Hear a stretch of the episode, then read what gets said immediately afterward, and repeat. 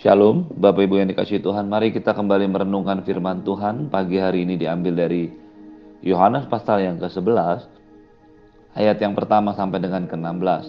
Yohanes pasal yang ke-11, ayat yang pertama sampai dengan 16. Lazarus dibangkitkan.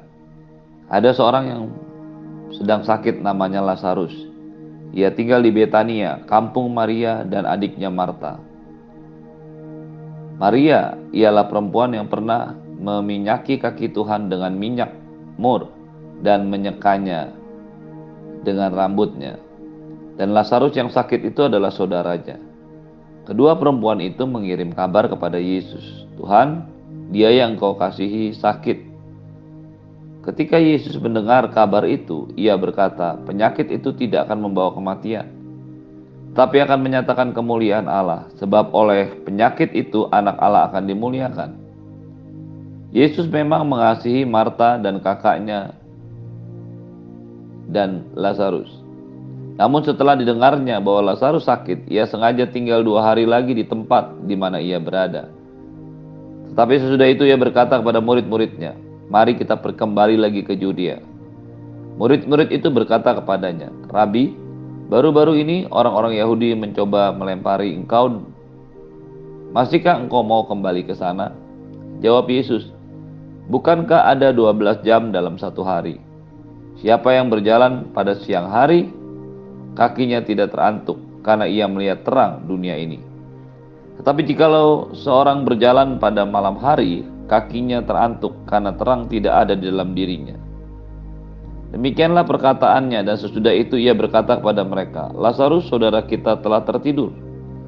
Tapi aku pergi ke sana untuk membangunkan dia dari tidurnya. Maka kata murid-murid itu kepadanya, Tuhan, jikalau ia tertidur, ia akan sembuh. Tetapi maksud Yesus ialah tertidur dalam arti mati. Sedangkan sangka mereka Yesus berkata tentang tertidur dalam arti biasa. Karena itu Yesus berkata dengan terus terang, Lazarus sudah mati. Tapi syukurlah aku tidak hadir pada waktu itu sebab demikianlah lebih baik bagimu supaya kamu dapat belajar percaya. Marilah kita pergi sekarang kepadanya. Lalu Yohanes yang disebut Didimus berkata kepada teman-temannya, yaitu murid-murid yang lain, Marilah kita pergi juga untuk mati bersama-sama dengan dia. Bapak Ibu yang dikasih Tuhan, pasal yang ke-11 dari kitab Yohanes ini menceritakan bagaimana Tuhan Yesus membangkitkan Lazarus dari kematian. Peristiwa lengkap kita akan baca dari mulai ayat yang pertama sampai dengan ayat ke-44. Tetapi pagi hari ini saya ingin membawa atau membagi kisah ini menjadi dua bagian yang akan dilanjutkan pada besok hari. Tuhan Yesus sedang berada di tepi sungai Yordan, di seberang sungai Yordan. Sementara ada seorang yang sedang sakit yang bernama Lazarus, ia tinggal di Betania. Betania adalah kota atau desa yang tidak jauh berada berjarak dari Yerusalem. Di situ tempat tinggal Maria, Marta, dan Lazarus. Di tempat ini juga biasa Tuhan Yesus bermalam ketika ia melayani di daerah Yerusalem. Ada beberapa catatan penting apa yang dilakukan Tuhan bersama-sama dengan Maria, Marta, dan Lazarus. Maria inilah perempuan yang meminyaki kaki Yesus dengan minyak mur, minyak yang mahal, dan kemudian menyekanya dengan rambutnya. Maria ini memiliki hubungan pribadi dengan Tuhan. Tentu saja yang kita maksudkan bukanlah hubungan pribadi seorang pria dengan wanita, tetapi hubungan pribadi antara seorang yang sangat mengasihi Tuhannya dan dikasihi Tuhannya. Dan menariknya, mereka yang mengasihi Tuhan ini tinggal dalam satu rumah yang bersama, mereka kakak beradik, dan semuanya mengasihi dan dikasihi oleh Yesus. Ayat yang kelima mengatakan dengan jelas bahwa Yesus memang mengasihi Marta dan kakaknya yaitu Maria dan Lazarus. Hal ini menjadi sebuah catatan penting bagi kita pagi hari ini. Ketika ada satu orang yang mengasihi Tuhan di dalam rumah, sudah seharusnya orang yang mengasihi Tuhan ini menyampaikan berita yang sama, pesan yang sama, kerinduan yang sama, passion yang sama. kepada orang-orang yang tinggal di rumahnya. Kata tinggal di rumah ini menunjukkan arti yang sama ketika hal yang sama terjadi pada kepala rumah penjara yang kemudian mau mendengarkan Injil yang disampaikan oleh Petrus. Di situ dikatakan dengan jelas, percayalah kepada Tuhan engkau dan seisi rumahmu akan selamat.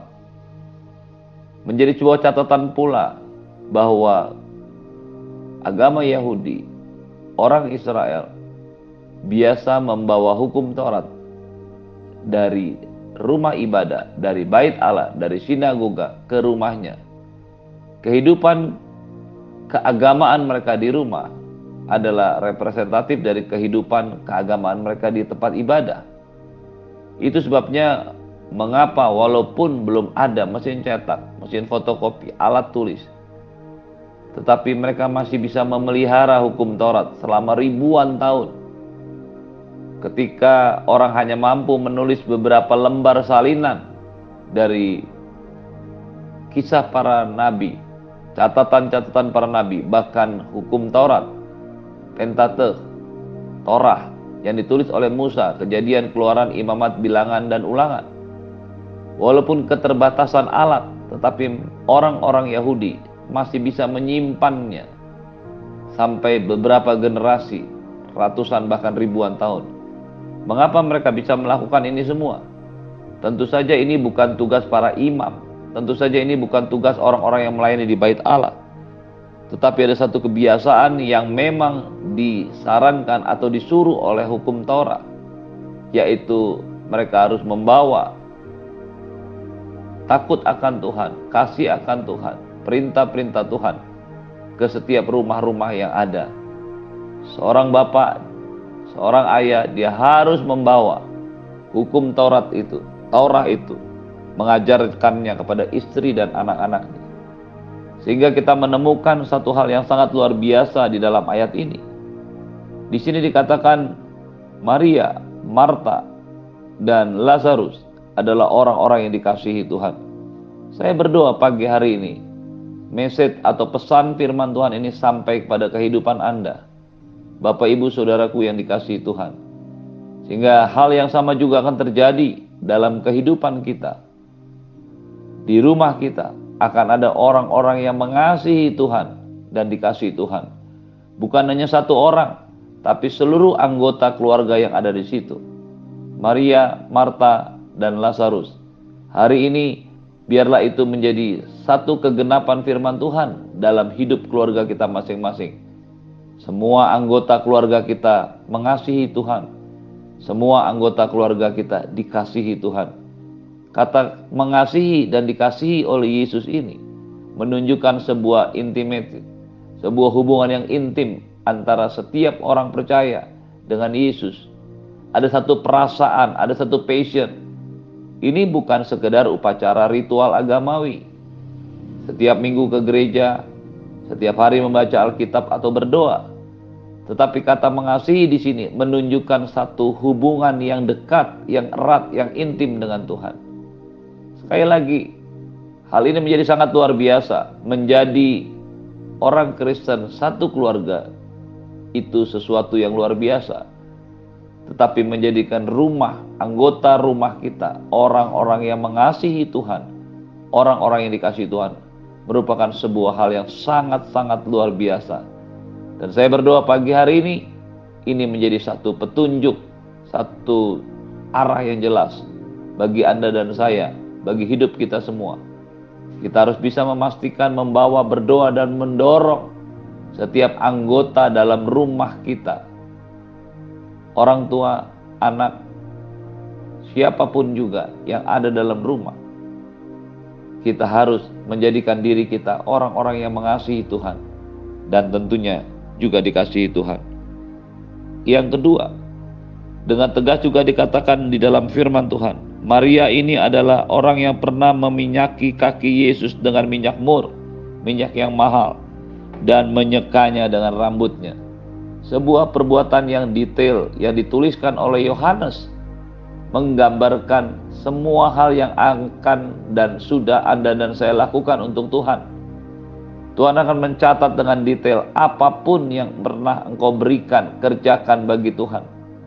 Kalau hari ini engkau sudah pernah menabur, Allah akan mencatatnya dengan jelas dalam buku kehidupan. Sama seperti firman Tuhan ini. Kalau hari ini Anda sudah melayani Tuhan, memberikan hidup, waktu, tenaga, uang untuk setiap pekerjaan Tuhan, Allah akan mencatatnya dengan detail. Allah bukanlah Allah yang suka berhutang, dia akan membayarnya, menggenapi dan melunasinya pada waktu yang Tuhan tentukan. Hati saya begitu bersuka cita ketika membaca apa yang dituliskan oleh firman Tuhan. Maria adalah perempuan yang pernah meminyaki kaki Tuhan dengan minyak mur dan menyekanya dengan rambutnya. Benarlah apa yang dituliskan oleh Paulus dalam 1 Korintus 15 ayat 58 janganlah pernah kendor kerajinan karena apa pun yang kita lakukan sebab dalam persekutuan dengan Tuhan jeri payahmu tidak pernah sia-sia. Hal ini menunjukkan satu arti yang jelas. Kata sia-sia itu diterjemahkan dalam bahasa yang lebih baik terlupakan. Setiap hal yang Anda dan saya kerjakan buat Tuhan buat umat Tuhan dan buat pekerjaan Tuhan. Setiap hal yang Anda dan saya kerjakan untuk orang-orang yang dikasihi Tuhan akan tercatat dengan detail. Itu sebabnya pagi hari ini saya juga mengingatkan Bapak Ibu Saudara-saudariku, semua yang Anda dan saya kerjakan akan dicatat Tuhan dengan detail. Janganlah pernah berhenti untuk berbuat baik. Janganlah pernah berhenti untuk memberitakan Injil. Janganlah pernah berhenti untuk menabur waktu, tenaga, uang, apa pun yang bisa kita berikan buat Tuhan karena semuanya akan tercatat dengan detail. Berikutnya, kita melihat bahwa Lazarus ini sakit dan memang sakitnya adalah sakit yang parah. Terbukti kemudian penyakit ini membawa kepada kematian. Kedua perempuan itu mengirim kabar kepada Yesus, Tuhan, dia yang kau kasihi sakit. Sekali lagi, keintiman Tuhan Yesus dengan Lazarus, dengan Maria Marta itu nyata. Pada saat Maria dan Marta mengirim kabar kepada Tuhan Yesus, mereka berkata, "Tuhan, Dia yang Engkau kasihi sakit." Maria dan Marta tidak menyebutkan nama Lazarus. Mengapa? Karena dia tahu persis Tuhan tahu apa yang dia maksudkan. Ini adalah sebuah ketingkat kedewasaan hubungan antara manusia dengan Tuhan Maria dan Marta tidak menyebutkan nama Lazarus, tetapi dengan kata pengganti, dia yang kamu kasihi. Bapak ibu saudara yang dikasih Tuhan, inilah hubungan yang seharusnya terjadi buat setiap Anda dan saya dengan Tuhan. Kita adalah orang-orang yang walaupun tidak pernah menyebutkan nama, tapi diketahui oleh Tuhan sebagai orang atau pribadi yang dikasihi Tuhan. Ketika Yesus mendengar kabar itu, dia berkata penyakit itu tidak akan membawa kematian, tetapi akan menyatakan kemuliaan Tuhan. Sebab oleh penyakit itu anak Allah akan dimuliakan.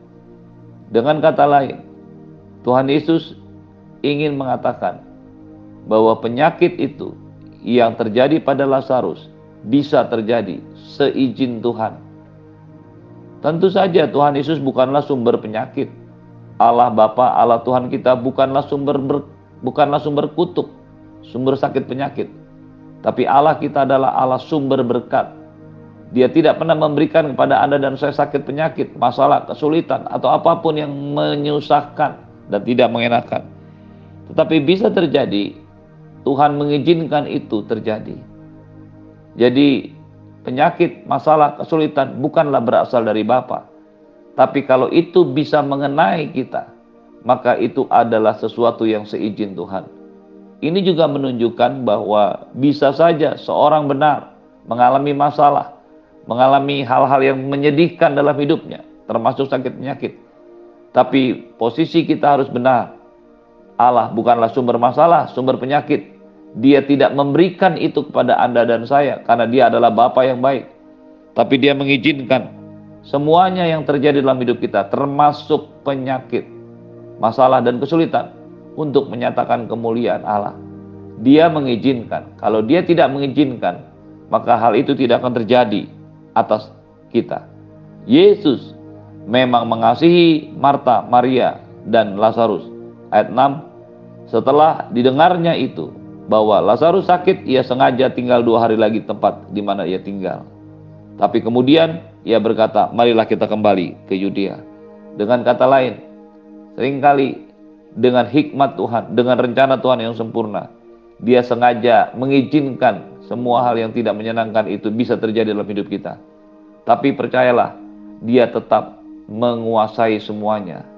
Semuanya tetap dalam kontrolnya. Dan pada waktunya Tuhan, dia akan menyelamatkan, menyembuhkan, membebaskan, mengampuni, dan melepaskan semua kita. Karena itu pagi hari ini pastikanlah Anda dan saya adalah orang-orang yang dikenal Tuhan, dikasihi Tuhan, dan mengasihi Tuhan. Anda dan saya memiliki hubungan yang intim dengan Tuhan. Sehingga apa pun yang terjadi dalam hidup kita, yang diizinkan Tuhan, semuanya akan membawa kemuliaan bagi nama Tuhan. Terimalah berkat yang berlimpah dari Bapa di surga, cinta kasih dari Tuhan Yesus, penyertaan yang sempurna dari Roh Kudus menyertai hidupmu hari ini dan sampai selama-lamanya. Dalam nama Yesus semua yang percaya katakan amin. Shalom.